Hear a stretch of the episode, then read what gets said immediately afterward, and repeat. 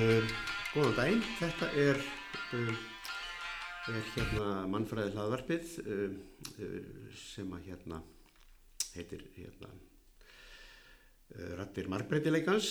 Í dag erum við að tala við Marco Solimene sem er hérna ítalskur ætt, fættur 1976 í Róm en hefur búið hér lengi á Íslandi og er svona eiginlega Íslandingur myndi ég segja, hvað sem það er og hérna hann er sem sagt mannfræðingur og ég ætla að ræða við hann um hérna það sem hann hefur verið að rannsaka í gegnum tíðuna svona lítið en fyrst og fremst það sem hann er að rannsaka í dag.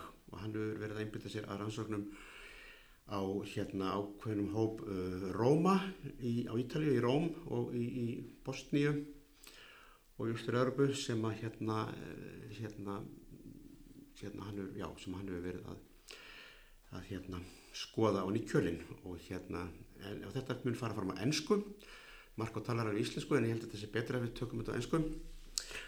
Þannig að, uh, why Marko, welcome. Thank you for having me here. What brought you to anthropology? That's a good question. I I remember my first year as a university student. I was an engineer. I was supposed to be an engineer. Uh, but uh, on the back of my mind, I always was interested in uh, how people were making sense of the world and how make people were making sense of the life that they were living, what were the values, the meanings that they assigned to things, to people, uh, to their actions, to the events. And uh, I was not actually very sure whether it was anthropology or what. Then uh, it was a discovery. I studied in sociology and then I fell in love with the first course of anthropology. And then uh, after that, I think that I consider myself an anthropologist more than, uh, than else. And yep. Your fate was sealed. Exactly. Yes, and um, you have been, you have been, uh, your main research have been about uh, a group of Roma in uh, Bosnian Roma in, in, in Rome. In exactly. Camps in, in Rome, where you are from. And you have been conducting long-term fieldwork among them, and you still do. Yes. So, who are these people? So, these are uh, a network of families. I think uh, to, to, to consider them as a group is a, is a, it would be uh, risky. Mhm. Let's, put, let's put it like this. But this is a network of families which are related to each other through a lot of family linkages, which are old, but they are also new, so renewed in times, also in the present. And uh, these people have been also living together in uh, different places, both in Bosnia, where they this their original homeland, and in Italy, where they have been uh, living for the last 30, 40 years. And uh, actually, choosing the Bosnian Roma is part of. Uh, it, it probably is interesting to, to see that because actually, I since 1999 have been uh, uh, researching uh, Roma-related issues, and uh, since 1999 I know these families. And um, actually, it was anthropology which brought me to the Roma to reconsider them because as a kid I was just scared of the Roma. They they were, you know, the, the monster, the, the ogre, which would, uh, according to the urban legends, they would uh, kidnap kids, non-gypsy kids, and force them to slave labor, and they would just burn the cigarettes uh, on their arms, uh, on the ch- children's arms, if the children would not come home after the begging day with enough money. That was the saying. So I was terrified by the gypsies when I was uh, when I was a kid. And then uh, when I was a teenager, I despised them because I was scared. I was scared uh, by, by this strange uh, people who talked this strange language, and they would arrive in the bus, and everybody would put the, the, the, the hands on their pockets and start whispering uh, bad comments uh, about these uh, allegedly filthy and dangerous people. And I just interjected all this uh, very negative imagery. So I decided to, uh, when I was in anthropologist and anthropology, and you know, there is all this question of demystifying your imagery, working on an ethnocentrism, and so on. So I said, okay, let's face the big devil now of my of my exist of my childhood. Let's see if the if the if the so-called gypsies are good or not. Let's enter the cave. Exactly, exactly. And I decided to take the the the, the, the to choose the Bosnians. Uh, uh, because I had been very much affected also by what was had been happening the years uh, in, in that decade in in the in Bosnia uh, with the war. So there was this uh, intersection of uh, this uh, very ambivalent ideas about the Roma that I was interested in, plus their conditions as war refugees, which I found uh, intriguing, and especially uh, as they were refugees and they were gypsies, and so there were kind of experiences of double, uh, a double uh, uh, rejection and discrimination because migrants and because uh, gypsies, or zingari as they're called in Italy and uh, that's why I came uh, to, to, to meet them. And it took, in any case, I think at least four, five, six years for me to deconstruct this imagery. Mm. Uh, so it was not, you know, sometimes there is this myth about the encounter, ethnographic encounter as something that is enlightening, no? Mm. And all at once you encounter the other, you understand how the other is, uh, and then, uh, wow, everything works which is, I think, a myth that sometimes also anthropologists are, are, are, proposing, because encounter with the other is not as easy as it might seem. And in my case, it was rather a question of deconstructing my imageries, my idea about who the Roma were and who they were not, and what they were supposed to be, what my ideas were about how they had to be political agents and had to, be, to fight for their rights all this was just uh, conflicting with what I was looking, seeing uh, in, in the settlement. So it took me many years to deconstruct that, mm. even with all the instruments that I was uh, learning from anthropology, and understand different points of view. Yeah, this is interesting because this uh, this connects uh, connects well with uh, a recent article you wrote together with another Italian anthropologist about about, uh, for example, decolonization of ethnography or of anthropological thought. This yes. is maybe what you're talking about. Yes, exactly. I mean, we're here with, uh, with uh, Stefania Pontrandolfo, who is a, um, an anthropologist from the University of, uh, of Verona. Is a, she's a professor there. Uh, we've been working uh, for, for years together, and uh, we wrote this article thinking about uh, how uh, there are uh, often some kinds of misunderstandings, I think, between uh, what anthropologists and scholars are saying about the Roma and uh, the and I put the, the commas, the, the, the actual state of things. Mm.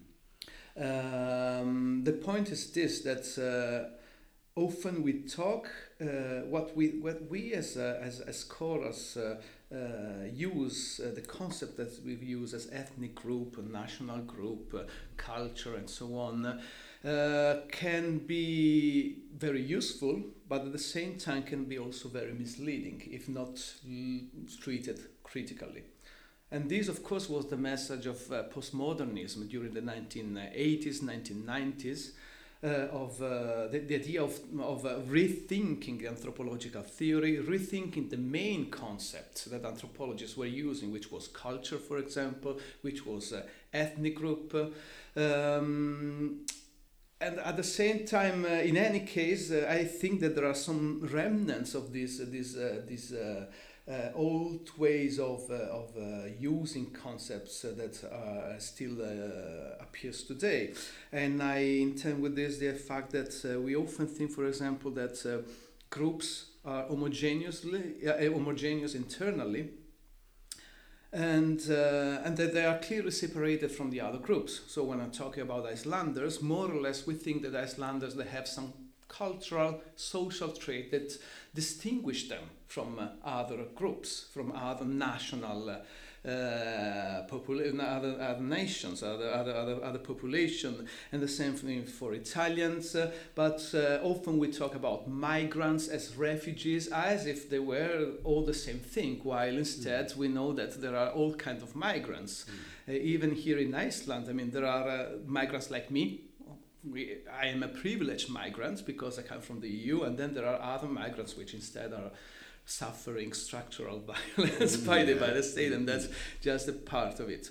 So the point is that we try to um, to put, bring this thought also in in the Romani studies, but I think the Romani studies are a fantastic laboratory for reinventing and recreating uh, uh, theories and concepts because the Roma are uh, extremely uh, challenging and they are challenging probably because they live in the same place where we live. So we share the same world, we share the same society.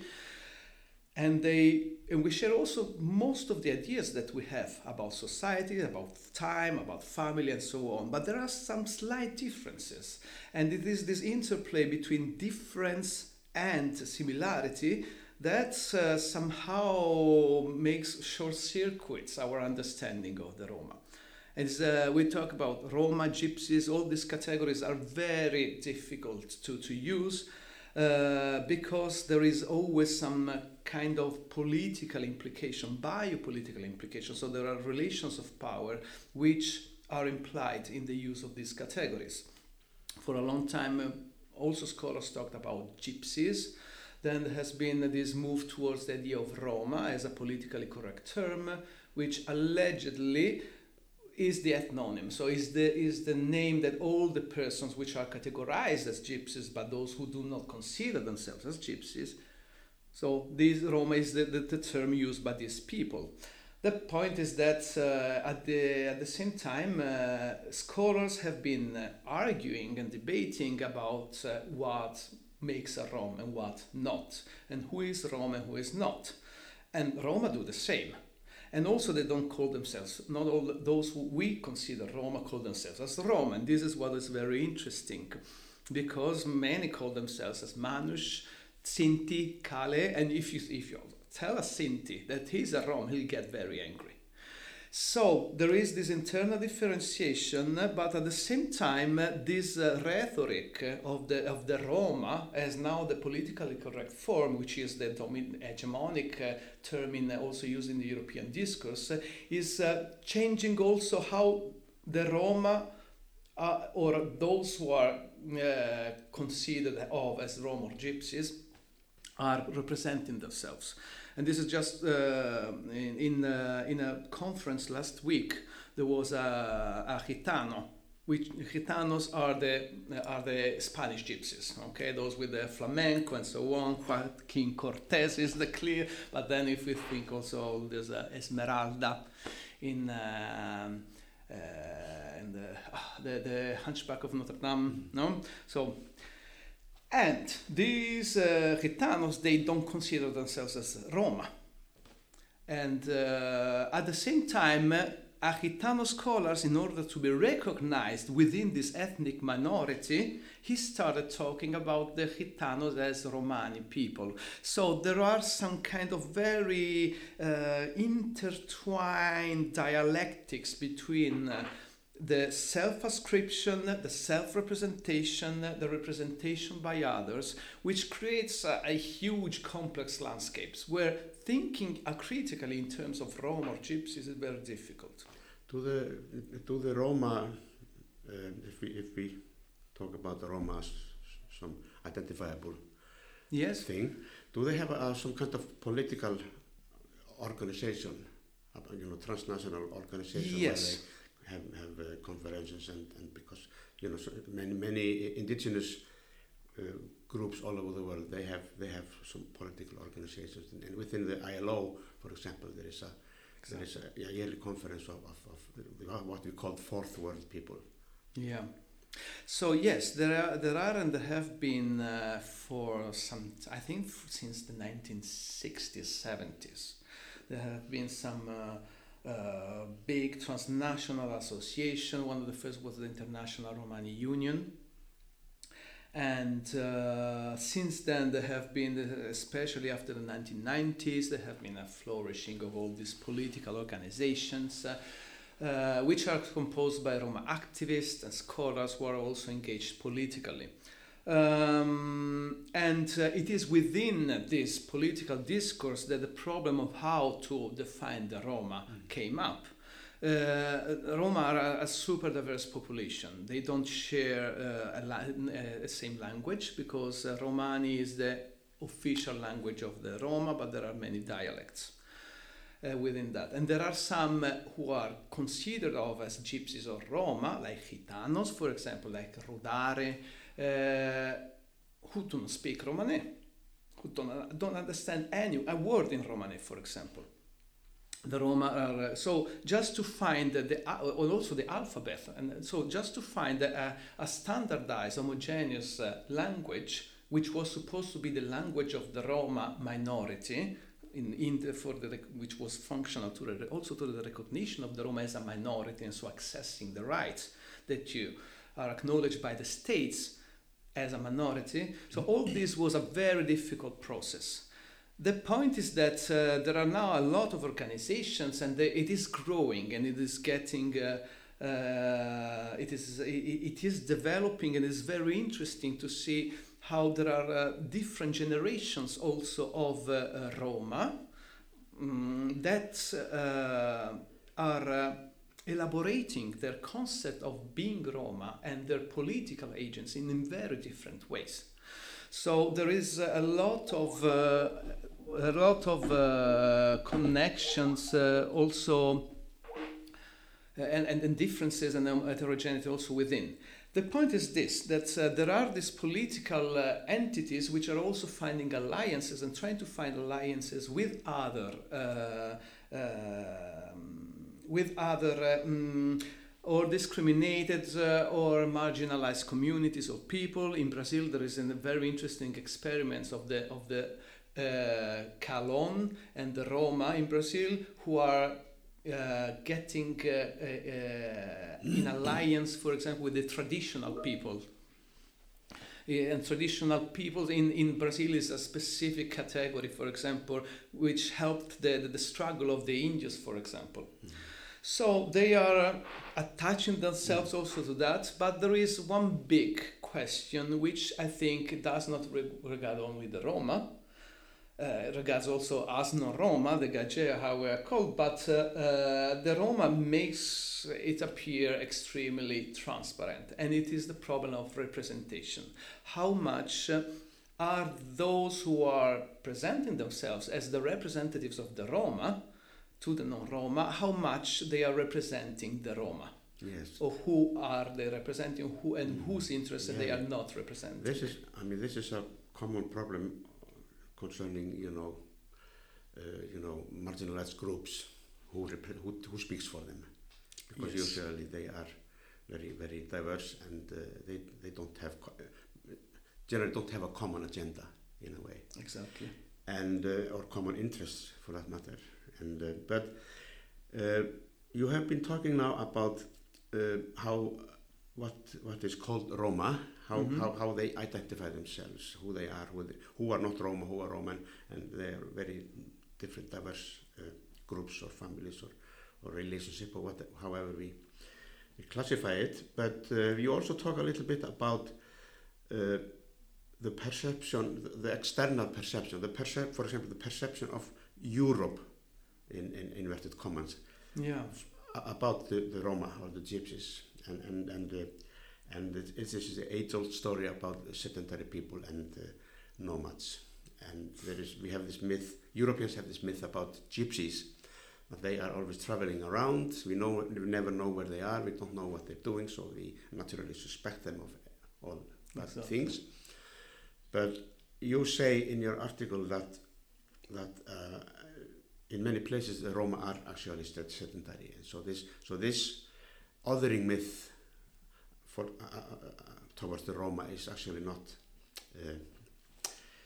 not true, if we can, if we can use that word. Yes. Exactly. So it, it is true. Exactly. That we have so Europe has the idea, and European societies, okay, in general, have the idea of the a group of people which they categorize and call in different names. No, in Italy we call zingari, in Iceland Sigunar, in French Gitan, in, uh, in Spain Gitanos, uh, in Romania, and so on.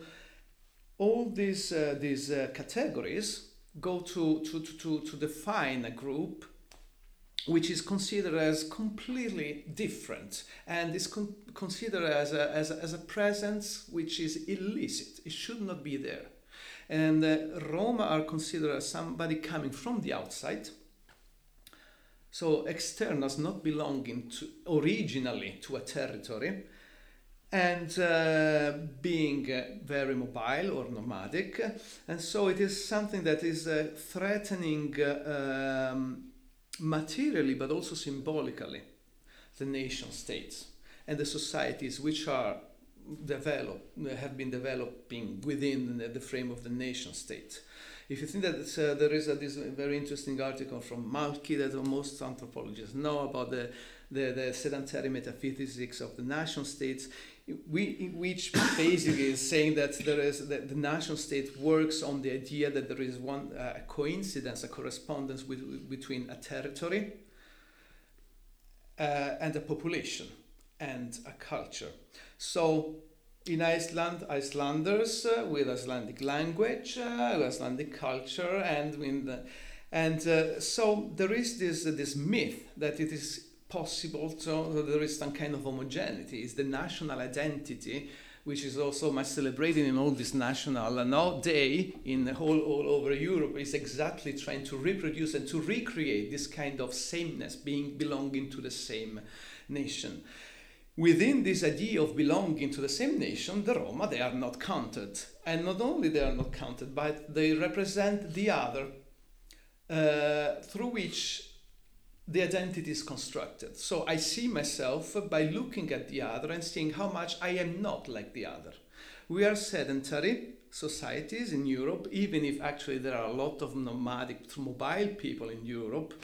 Uh, but uh, of course, the national state has always had problems with uh, mobility because uh, it has been uh, since the beginning considered a pathology that had to be removed through extremely sometimes harsh measures because uh, mobility means also challenging the borders no? Between between the nations uh, different nations.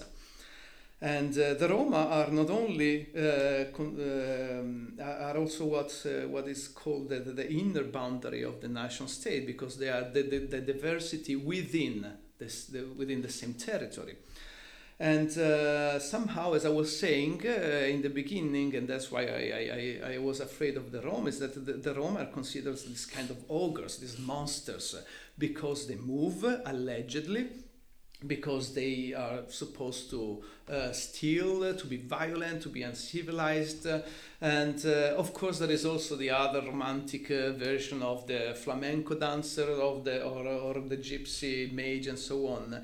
But even these very positive representations of the Roma still build on the idea that the Roma are completely different. They are not attached uh, to a territory, and they are not don't have uh, uh, any any any interaction, more or less, a functional interaction with majority societies, which instead has been countered by a series of works which are saying completely the otherwise. That even if not, uh, even when the when, uh, when uh, being addressed and facing everyday discrimination, rejection, and so on, and even if they consider themselves also as different as Roma and not Gage, uh, still the Roma they have continual interaction with the non-Roma. They are functional also in their economy. The Roma that I know, for example, they are collecting scrap metal, which is one of the most important things now. No recycling materials is part of the agenda uh, for for uh, for the climate and environment. And uh, there are. It is incredible to see when you when when you start doing field work how ma- many connections are between the Roma and the non-Roma. And yet, this uh, in Europe there is this idea that the Roma is this illicit presence. We should not be there, and nomadism is part of that. Uh, there are a lot of discussions about now nomadism. Are Roma nomadic or not? And the political discourse today is trying to say no, the Roma are not nomadic. And this is also a political move. Is a political move in order to counter no the possible discrimination because the Roma from the allegation of being nomadic. Roma, most of the Roma today are not nomadic. They've been sedentarized for centuries, especially in uh, so the southern part of Europe and eastern part of Europe, while they've been very mobile nomadic in the western part of Europe and the north. This depended not much on the on the on the socio-cultural characteristics of groups, but rather on the characteristic of the societies where the Roma were living. Uh, so nomadism or mobility or not is much saying very much about the majority society than about uh, the, the Roma who are uh, adopting mobility or not. On the other hand, uh, there is this in, in uh, not it is impossible to deny the fact that many Romans, at least uh, in the beginning 13th century, 14th, 15th centuries, were quite mobile. And that the states uh, have been continuously trying to sedentarize them. There are examples of forms of, for, of forced sedentarization which start from where the state, modern state is being is built in the 17th century, 16th, 17th centuries, and uh, go over also to now during the, the, the um, uh, in Eastern Europe the different communist uh, systems and also uh, in Italy and so on. So uh, are they nomadic or not? this is uh, probably a, a, a, a false uh, question because many uh, also the, the many uh, scholars working with nomadic peoples non-Roma but pastoralist uh, hunter-gatherers and so on since the 1980s with a, a founding book from Aparna Rao, the other nomads, what the uh, scholars have been saying is that nomad, mobility and, and stability are parts of two sides of the same coin. So even the more mobile groups, they have forms of stability. So there is not an opposition as a national state uh, discourse points that uh, there is not an opposition between mobility and stability, uh, nomad, nomads and settlers. And um, again, we are here, if we accept this opposition, we are reproducing the dualist categories, which is mobile, uh, nomadic or sedentary, citizen, not citizen, um, which are part of the, of the, the binary system of, uh, of the national state. Yeah, this uh, actually this actually brings us to the uh, what you have been researching recently, uh, which concerns, among other things, uh, a story about uh, the former president of Yugoslavia, General Tito. Exactly. And uh, which is a very, I think, I find a fascinating story, and, and how, how, how it and, and, the, and the and the role it plays in in in, in uh, people's minds, the Roma's minds of these people you have been uh, uh, spending some time with.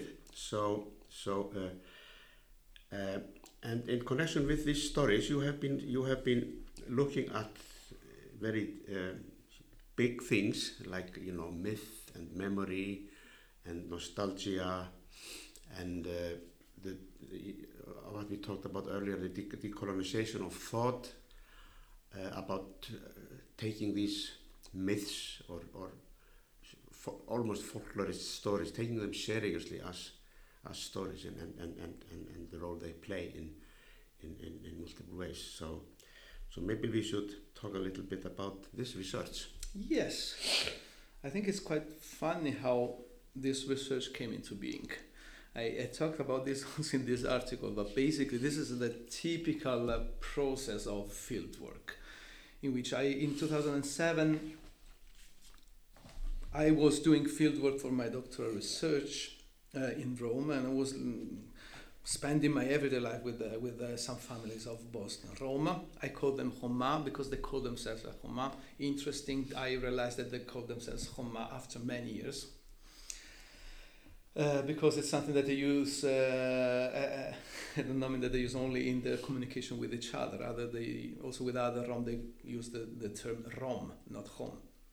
In any case, it was under a, after a very hot day that we were looking around for a spare piece for Misha's van. Misha was a rom. I was uh, sometimes living, uh, pitching my, putting my caravan next to his tent and his uh, and his uh, and his caravan uh, under a bridge and uh, we were looking uh, around a spare piece because Misha was uh, collecting scrap metal informally because uh, he didn't uh, have any documents that allowed him to have a regular job like that.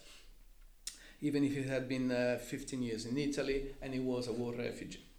So what happens in 2007? That Misha tells me this story, and I really found it find it, found it kind of I don't know some kind of myth mythical and a kind of not very credible anecdote about uh, how Tito, in during World War, so when he was a partisan, the marshal, so he was uh, he was chased by the enemies, and the Roma they had uh, helped him save himself, escaping the captures. In Misha's case, it was the uh, Nazis. And I remember listening at this story, he had been talking about first the story about uh, uh, the crucifixion of uh, of uh, of Jesus Christ. there is this another myth which I, he he heard it from some some Roman intellectual who was saying that the gypsies they, they were actually they were those who had were smithing the, the, the nails of the cross for the crucifixion of of, of Jesus, but. they had uh, they had made the nails so sharp that Jesus didn't feel any pain and that's why the Rome, there was this specific appreciation by God in, uh, in, uh, in, uh, towards the, the Roma. And then after that, he came with this story about Tito. And I remember I, I just put in the book, and uh, there were so many stories that I heard about Bosnia, about giant snakes or people who are talking to snakes, people who would, would completely drunk get to the on the horse and then ride the horse into the into the uh, pub where people were drinking and then uh, there would be shootings and so on and all all kind of these stories with vampires and witches and so on. So this story about tito for me was just one of these mm, you know this this very fantastic narrative mystical narratives of the homeland which the the roma the roma had had left many years ago and which had disappeared. And so what happens is that I, I, I completely forget forget about that. I just put some uh, some uh, details in my in my diary that I wrote in the van every, every every night, and then all at once, after almost ten years, I was in another project about uh, oral history of Romanian Roma, and this story came into my mind, and. Uh, and I remember was I thought about it, and all at once I, since I was thinking about the importance of memory, of history, and so on, it just triggered a new interest, and I went back to the Roma, the Roma that in in Rome, and I, I started asking this story, and whether they knew it or not and they there is always uh, there is sometimes this kind of myth about uh, no Roma who have this kind of myths and stories of the past uh, uh, in which you get no you, you make you say the story and then you make a question. The audience would just answer the question and try to find the meaning of the story. And the story somehow would uh, would uh, embrace and and express values which are important to the group so on nothing about nothing of this among the Roma. they just don't care. They don't care of the past. They don't. I mean, I remember often trying to talk to them about import, things which I found important of the past, and they were just like, I don't care. Okay, maybe. So uh, I, I, was not surprised that many people didn't know about uh, the, uh, about the stories or uh, that I didn't haven't had not heard about the story. But when I started inquiring, I realized that many, all, basically all the Huma, they knew that, that there was this story that, ha- that had happened at some time. And, uh, and so I started being very intrigued by, by, by this story because it was talking also about these old times in Bosnia. um, which the Roma nostalgically recall because um, their land uh, has just disappeared. It disappeared because of the migration. So you know, every every migrant has this mystifying, idealized idea of the of the land that. Uh, uh, that is uh, that uh, of the homeland, especially if the movement, the migration is was forced, and um, but then it's also true that uh, Bosnia does not exist any longer in the way it existed before, because there has been a war. There have been uh, international treaties which have uh, completely transformed the post-Yugoslav space, and there have been international reforms imposed by the international community, uh, not international reforms, sorry, polit- social, political, economic reforms uh, with a very clear neoliberal uh, framework working behind that, uh, which has completely wiped away the, the old Yugoslavia. So not only they left their homeland, but this homeland is uh, doesn't exist any, any longer and um, and returns are extremely difficult and extremely complicated issues because uh, territories which were, were once in Bosnian territory sometimes they, they, they uh, with the Dayton treaties have become part of the, the Serbian Rep- uh, Republic the Republika Srpska so under Serbian control and majority. Uh, parts which were uh, inhabited by Serbs uh, uh mostly now are under the Federation of Croatian and Bosnians, and so the minorities has always the, the, fears about being discriminated, especially after the conflict and the war. Again, the Roma here are not only Muslims, this one are more Bosniaks and Muslims, but also gypsies, so against double discrimination and so on. So um, it is uh, interesting to see that on the one hand there are so many nostalgic uh, mm, narratives about this Bosnia, very mystifying, but at the same time, this uh, after you live for 30, 40 years in a place, you get attached to it in any case. I think this is just a human. Uh, and uh, so the Huma, because the, the old Bosnia disappeared, but also because they have been living for decades in Rome, even if they've been living in, uh, in ethnic ghettos, they are discriminated and so on. But at the same time, they feel that home is in Rome.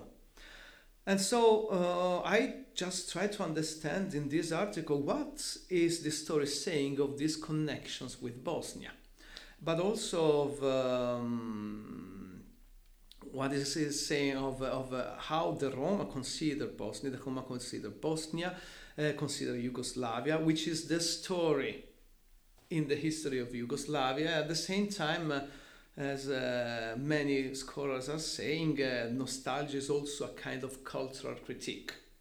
So, uh, and I use it in terms of what Charles Williams talks about post-colonialism, so a cultural critique it is brought out in uh, and that is not much an attachment to an idealized past which is not idealized. Uh, is rather a, a, a critique of, uh, of what has come after with, with the so-called transition where people uh, most of the time have been experienced further segregation further problems and harshness. And i don't say only uh, exclusively the roma. If you if you if you look at the, the, the migration, for example, from Romania, now Romania is, is uh, getting depopulated. And that's it's not because they can finally go to Europe uh, to, to, to the El Dorado. It's rather because the, the conditions there in, in, in Romania are very difficult and very harsh. And these conditions were brought by the transition and the, the entrance in the, in the, in the neoliberal market.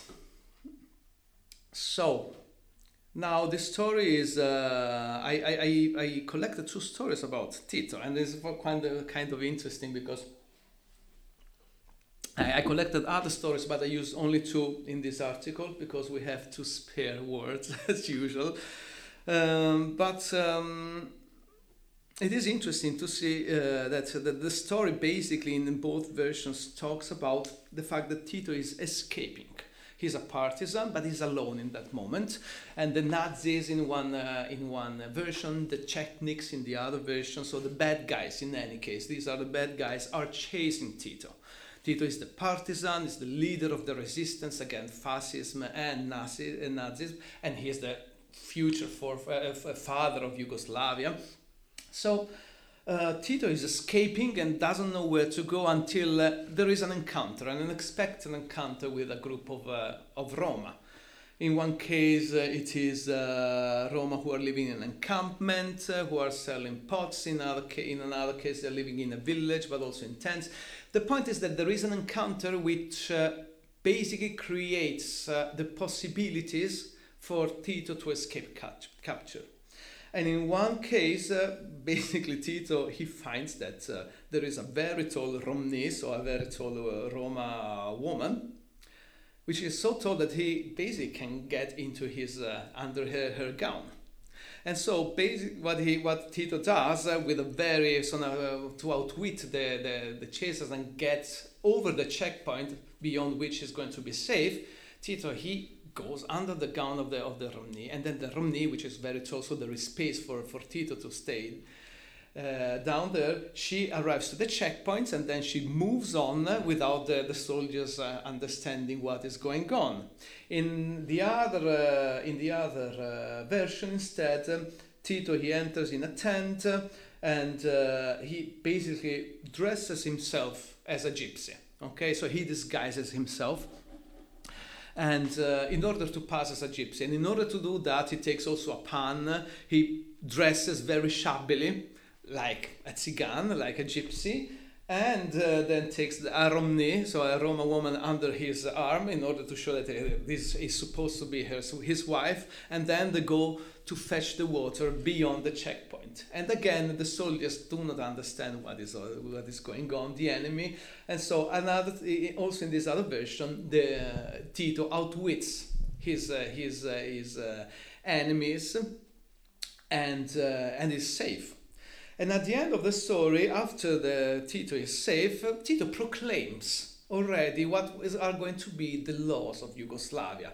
concerning the Roma. In one case, uh, he says that the Roma are free to move uh, everywhere and they, are, they can go begging.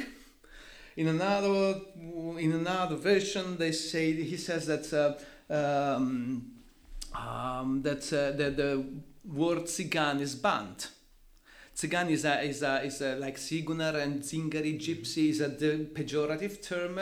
So Tito bans forbids the use of this pejorative term, which actually it was uh, it was like that in in reality, and so Tito uh, thanks basically the Roma who has been who have been helping him in this way.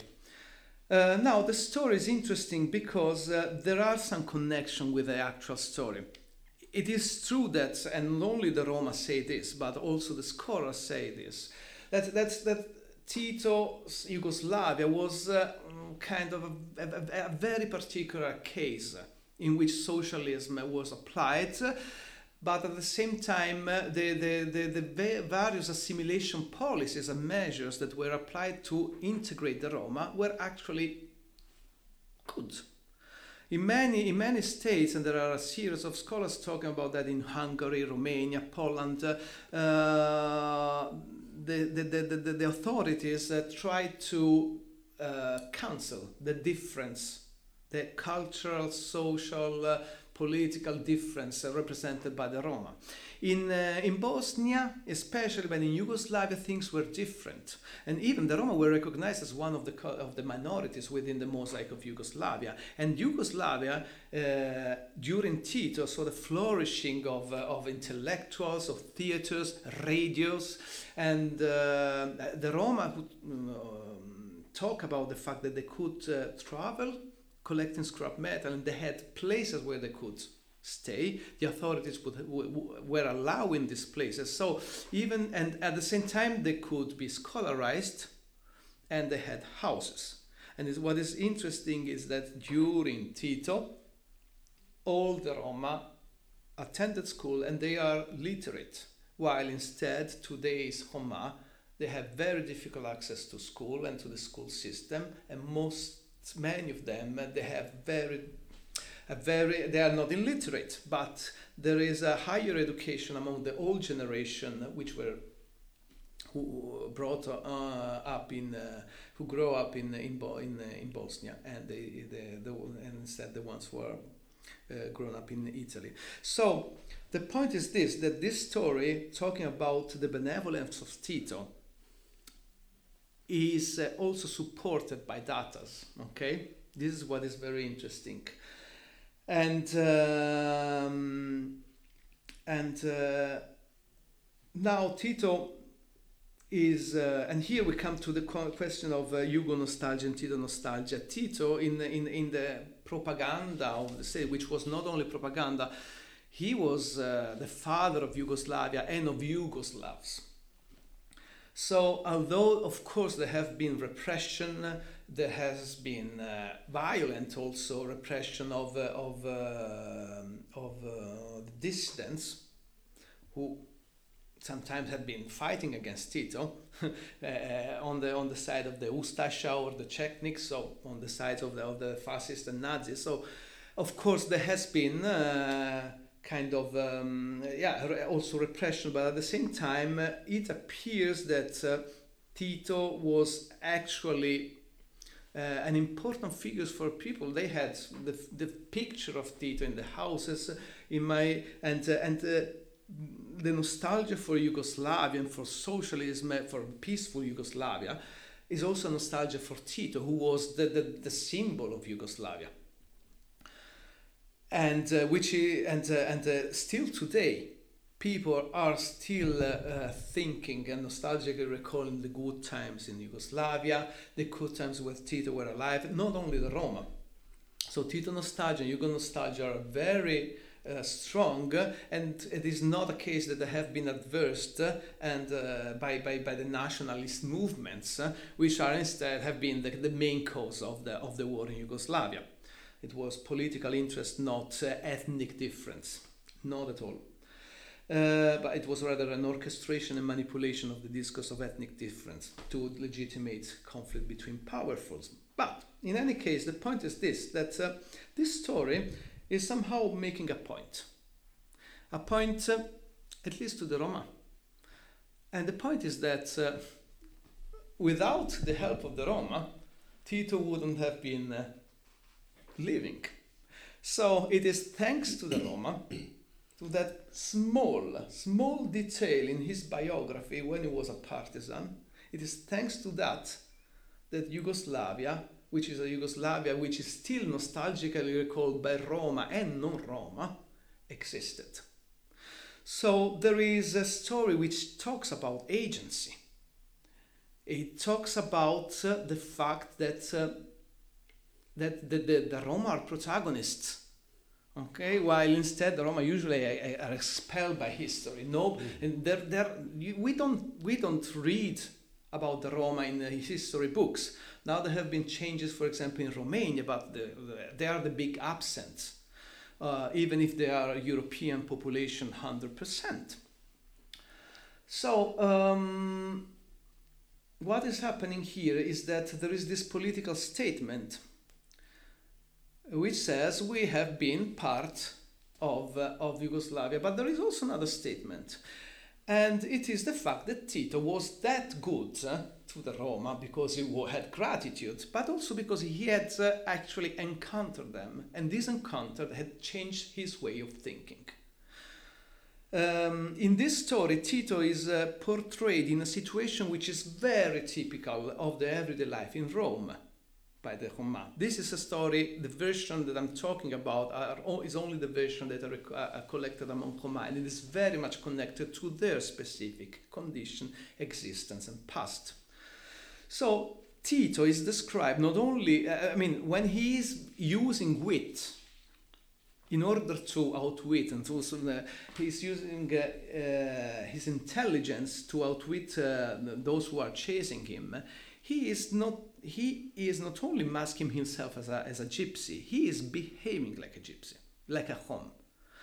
Because uh, the way in which he is, uh, he is behaving uh, resonates with the, in the ways in which the Roma portray themselves when talking about their interaction with the authorities in Italy, which usually are often are very negative, okay? So it is the same situation that the Roma live in everyday life and the same strategies or rather tactics that they use. Tito is, doing, is portrayed as doing the same thing which is also the same thing uh, passing through checkpoints as a gypsy, is the same thing uh, that the Roma did uh, when they were escaping the war. And here is a fantastic example of strategic manipulation of the stereotypes, because uh, the, the, the Roma were, were let pass the checkpoints by the Serbs or by the Croatians because they were allegedly nomadic. They were not suppo- they were supposed not to care for the territory. They would not uh, most likely fight for that. So, okay, you gypsy, you can go. While other people were, like the Homase, killed like chicken mm. because they were Bosniaks or, or, or Croatian. So, uh, somehow Tito uh, is, uh, is described in a situation which is very similar to that in which the Roma are, are, are, are put in everyday life. He's using the same strategies. And he's not a Rom, but he's a little bit for a moment he's behaving a little bit like that. And, he's th- and this is a kind of contamination of Tito. He is domesticated. Do- domus is the, is the house in, in, in Latin. So the domestication bring, means bringing into the home, mm-hmm. into the house, which is a tent, which is a village or the campment, or which is also the gown of a, of a gypsy of the Khumni. And so what happens is that somehow Tito is contaminated. And is contaminated by the way of thinking of the Roma. So much, so much that at the end he starts appreciating the activities of the Roma, mobility, uh, begging, and uh, and that's why he's not only gra- it is not only a question of gratitude, but it's a question that this encounter changed his way of thinking and he's a gaggio, but at the same time also a little bit, uh, uh, a bit, a little bit a home. So he's a little bit of a mythical Roma. Somehow, yes. And the Roma, you know, appropriate him as, to be part of and active in being part of the creation of Yugoslavia. Exactly. So they are part of the foundational myth of Yugoslavia. Exactly. Even if they are always, by many, considered, you know, alien elements. Exactly. And um, what is interesting is this, and here comes uh, the big puzzle, I think, for scholars uh, and uh, especially for political activists and so on. Um, and it's the fact that this story is not known, and the Roma they don't have any specific interest in making it public. It doesn't mean that there is a secrecy, okay? They are not trying to keep a secrecy about this story, and they had no problem. I, I, I wrote a book in which I talk also about this story, and I brought the book to them. I read also the, the, this story, and they were, had no problem in this story being public. Okay, oh no, they were very, very happy about it because it's it, it is fun and they liked it that people might talk about that. But uh, there is not uh, the, the, they don't, they don't feel the, the, the urge to make this story publicly recognized. And so people might, we might be tempted by thinking, okay, this is an invention, okay, a deliberate invention is a story that never happened. And actually, I, I, I I'm not a specialist in Balkan areas, and but I, I didn't find any of any event like this in Tito's biography. Romani studies also, they, they don't talk about that.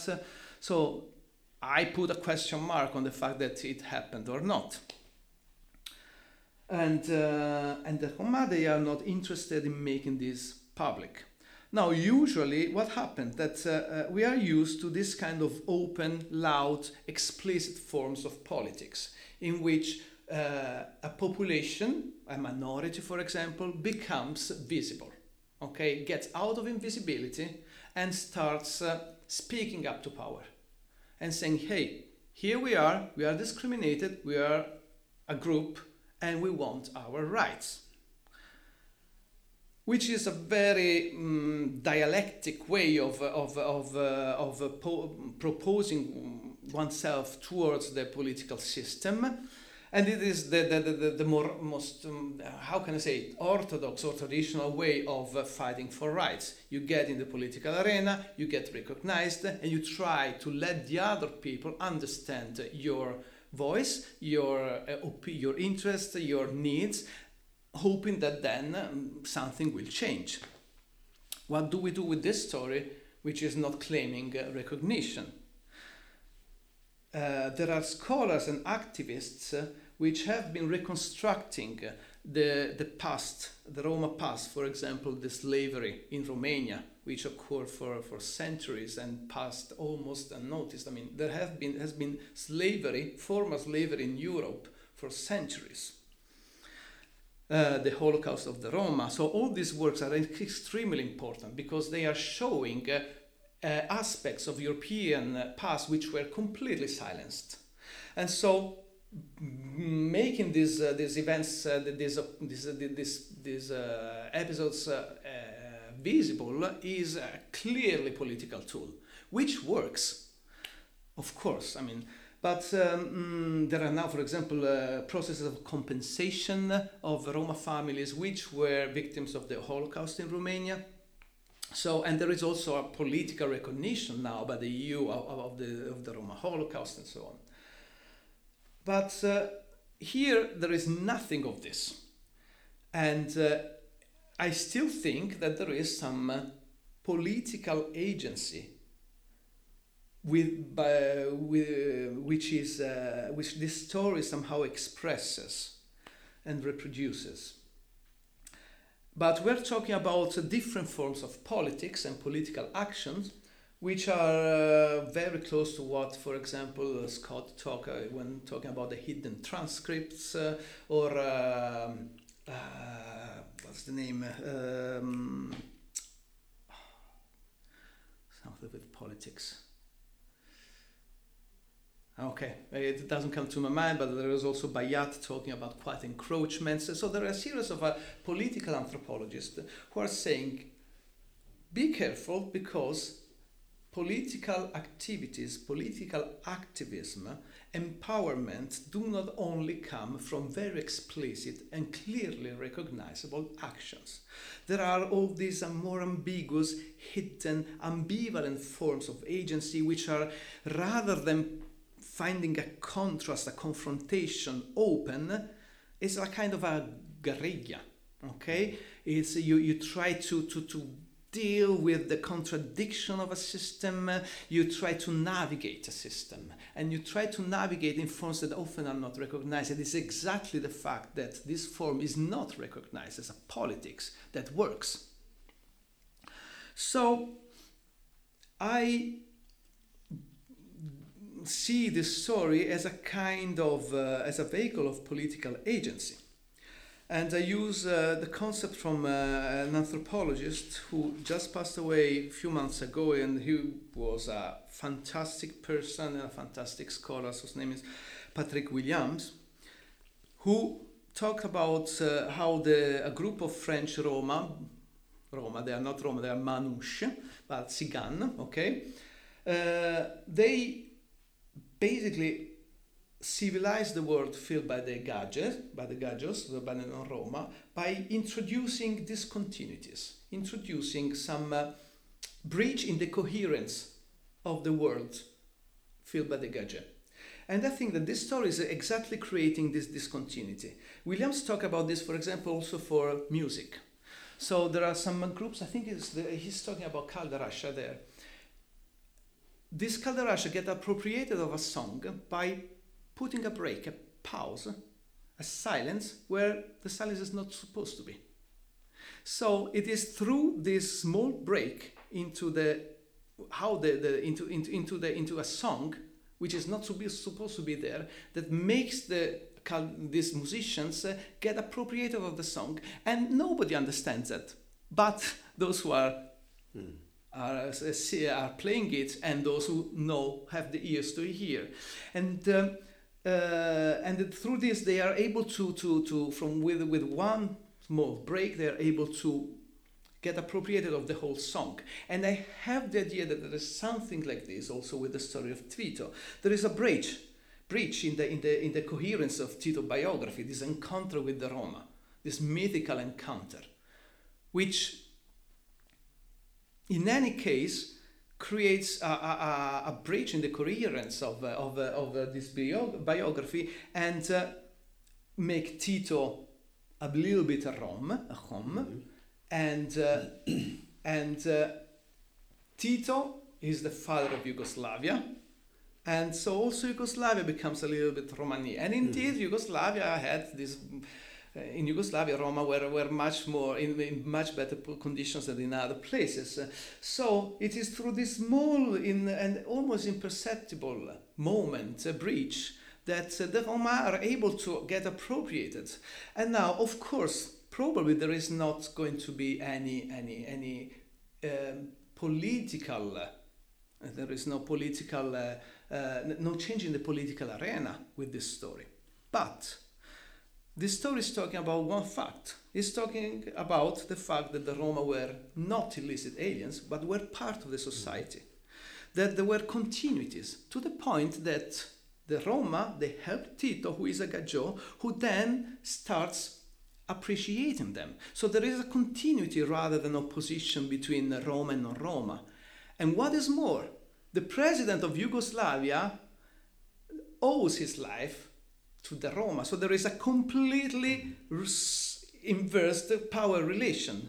So what this story is telling to the Roma is that there is refraining them from acquiring uh, this uh, from uh, from uh, from incorporating the discourse of the Roma as marginal, discriminated, lacking agency, which is so important because it is in this way that you find your place in uh, in uh, not only in the past but also in the present.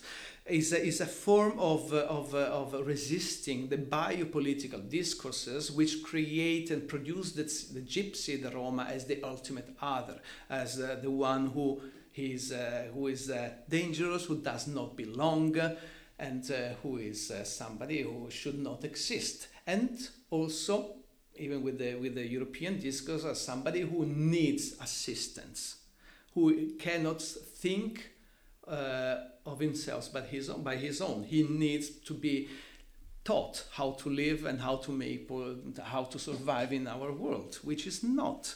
Even if, if I don't say that this doesn't mean that they don't need uh, assistance, uh, that we that we cannot help or that they cannot seek help.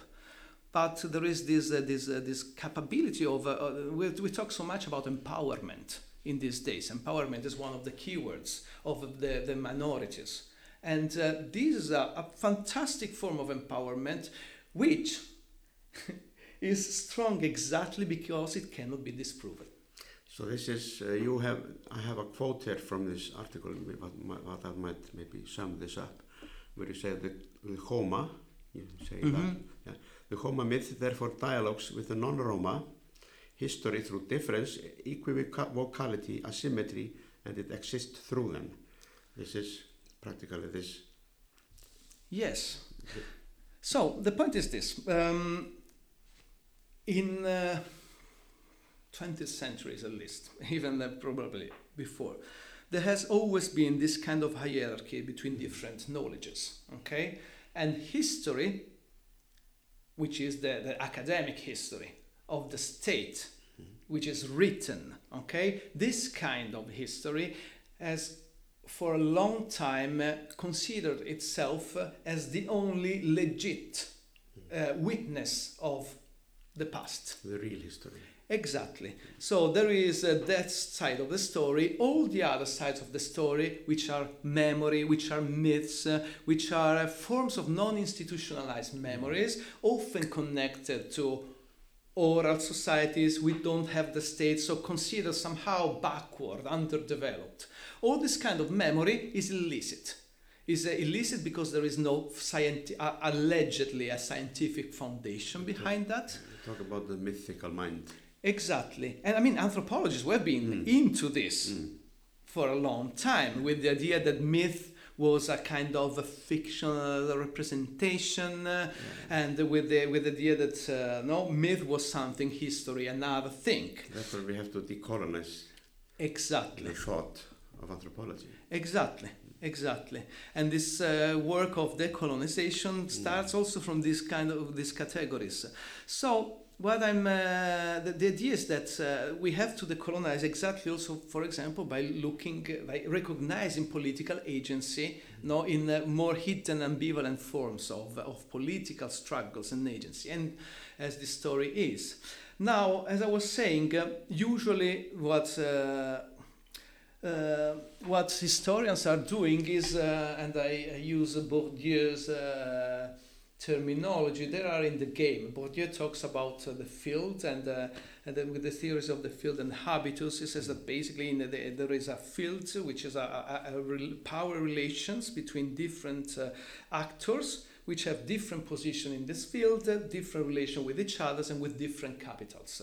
And these capitals allow these actors to have more or less uh, dominant position within a specific field. Now, history is one of these capital and uh, the, the, the, the, the, the, knowledge uh, which is historic, uh, which is recognized by historiography.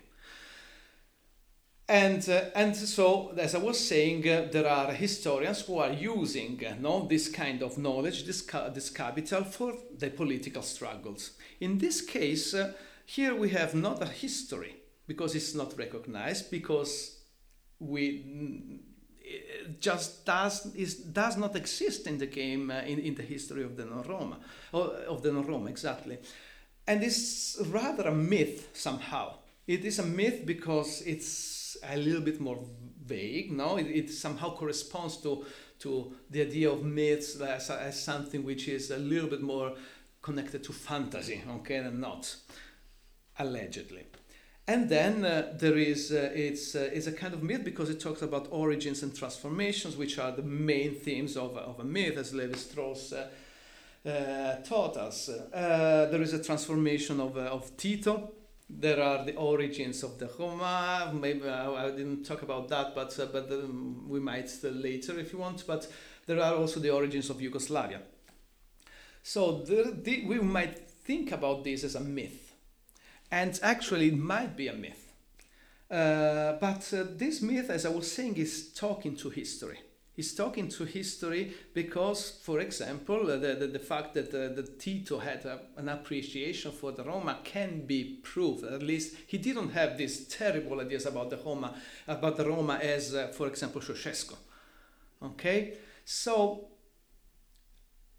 my idea is that this story is not work we, we, we cannot translate this story into the history of the non-roma we cannot do it because uh, we cannot assert certainly for example who were the protagonists. In one case there are nazis. In another case are chetniks. Um, and it doesn't matter. They are the bad guys and this is what matters. Uh, in uh, one case tito goes under the gun of the Romni. In the other case, he disguises himself as a, as a, as a, as a gypsy. Also, the protagonists, the Roma protagonists, are not, it is not clear who they are. They are somehow connected to the Homa. The Homa feel that there is an association, but this association is uh, equivocal. Um, indeed, um, and uh, probably I'm going to talk about. I don't know if uh, if I have the time to talk about this or not. Have maybe we have 15, 20 minutes. Okay. so to make it very very shortly, this uh, there is. Uh, um, the, the, the protagonists uh, um, who are saving or assisting Tito, they are not Roma it is all the narrators which I heard they say no they are not Homa they are not our our they are not our forefathers but there is some kind of vicinity. In uh, some versions the vicinity is the fact that uh, they they they um, they live like the old Roma lived in Bosnia mobile or uh, sometimes uh, the, the, there is this kind of vicinity which at the same time however is not complete coincidence correspondence. Because they are not us And this is what I find also intriguing. Uh, if you want to make a political statement, you say, yeah, it was our group. We saved him. My, my grandfather, my grand grandfather saved Tito. No. And they don't care. That you don't need to have, they, they, they're not stating that their grandfathers were saving Tito. There was some kind of Roma which were related somehow because they were moving around. Uh, well, the, but, but they are not. And uh, Tito also is an equivocal position. He's, uh, he's not a Rom. He's not a Rom, he's a Gaggio, even if there are these, these, uh, these myths also sometimes of Tito being a gypsy, usually by those who tried to discredit him. The same was done with the Ceausescu. And, uh, but uh, Tito is not a Rom, but he's a different Gajo after the encounter. So there is Gaggio is a non-Roma. He's a non-Roma, yeah. yes. So there is this kind of equivocality. And how do we put the relation between the myth of the of uh, of uh, Tito, who is domesticated, and he's changed by the encounter, and uh, and the myth of the gypsy as the illicit other in Europe. These myths are I, I cannot find a correspondence. There is there is not fit. We cannot put together like pieces of a puzzle which fit and then here we have the whole image. No. And this is exactly what makes it interesting because they, they, it is there is asymmetry, there is equivocality, there is difference. But as some uh, anthropologists, which have been working also building a little bit on, on some philosophers like Deleuze and Guattari, and I refer especially to Viveiros de Castro, they say that there is this kind of disjunctive synthesis. We are used usually to, to the dialectic, there is synthesis, antithesis, thesis, antithesis, and synthesis. And this is how often political it's movements... a conventional formula. Exactly. Here instead we have a disjunctive synthesis which works through diversity. So it is... Um, it is through diversity that we can recognize uh, relations. And, uh, and then we don't have this kind of very clear dialectic between the thesis uh, of the Roma history, the antithesis uh, of the non Roma history, and then we make them correspond and we translate them one into the other, and here we have the real truth. There is no real truth. And uh, for me, the fact that, uh, that these stories do not correspond, uh, it's just the, the, the, the expression of a different way of looking at truth or at objectivity. And for me, as an anthropologist, I don't care much in, in the question of whether these. Uh, I mean, it would be interesting. I try to understood, uh, to understand it actually if this event occurred or not. But the, the importance of this event is not in whether it occurred or not, but in the meanings that people are assigning to it. And uh, and um, and it is in this meaning which is very interesting, and it's a meaning that which is built on on on a different way of looking at at truth and objectivity. If you if you think that for them. for Mission Nasser, probably if I, if I asked them today to tell me the story, it would be different. Yeah, this is very, very intriguing and interesting. And this maybe brings us to something that you write about in this article, which we could maybe end this on, which is referring to Evans Pritchard's yes. uh, ethnography of the Azande magic and witchcraft uh, and oracles from, which was written in 1937, and where he is talking about a knowledge system which is totally different from European, this European hegemonical knowledge system, which we at that, at that time we thought was the only true story.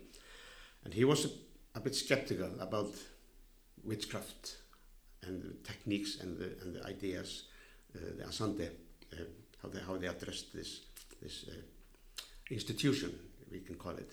Yeah. And uh, he was said, said somewhere that, of course, this doesn't work, but he used it himself. He used the oracles exactly. himself when he, while he was living there. So you refer to you know David Graeber, who was you know, referring again to Evans Pritchard's Azande book about this, this uh, you know, this in between truth in inverted commas. Yeah. And uh, I don't think truth exists anyway. So, but but uh, but uh, and you have you ha you cite Greberher, which is a very nice quote, which uh, relates to what you've been saying. You know, who knows? Maybe there actually is something going on there that we don't know about. Yes, exactly. I think here is is I find this is one of the, the why Graeber, Graeber was so brilliant also to recognize how this you know the, the fathers of anthropology despite all the limits and despite all the critique that we can do, they had some uh, very brilliant mm. intuitions mm. that uh, we need to recognize because, uh, I mean, this is, and um, think about Evans Pritchard, who is completely skeptical about witchcraft, but at the end, yeah, it's, I mean, in, uh, it seems Pascal. Uh, uh, it seems Pascal's reasoning on the existence of God, no? There were some buts. exactly. so the point is uh, that um, this idea, maybe there actually is, is something going on that we don't know about. It's so contemporary because it connects and we go back to the colonization of thought. This is exactly what many of those of uh, involved in this new kind of uh, anthropology of politics are saying and which is this what if we give if we take the indigenous thought seriously what if there are some kinds of knowledges or insights about reality that we are not able to grasp because we are trapped in the categories and in the thought of the academia it's not part of our education exactly Exactly. While instead, ethnography is a, is not only a research; it is an education. I think. Uh, I think the idea of of of uh, field work as a, as a, a moment in which you are learning, you're not studying. You learn. Mm. You learn a different way of thinking, which is taught to you, and then you try to re-elaborate. And uh, and so our participants are actually our teachers. Yes. Exactly. They are our teachers. We teach something in, uh, uh, as well. So what comes out from ethnography is not only a reflection of the ideas uh, of the people that of our informants. It would be completely stupid. I think it would not have any any make any sense if we were just uh, being the megaphones of uh, of the, people that we research. They can do it by do that by themselves. Mm there is something more, and here lies the, the, the, so fascinating point of anthropology.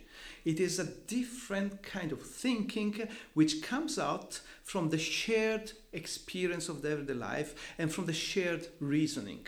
It is what uh, um, Heidegger and Gadamer were talking about when they were talking about the cir- uh, hermeneutic circularity of interpretation. There is something different. It is not better, it is not in a hierarchical, but there is something new, something diverse that, that we get. So the point is that uh, the academia sometimes no, tries to get Kuhn explained this very well.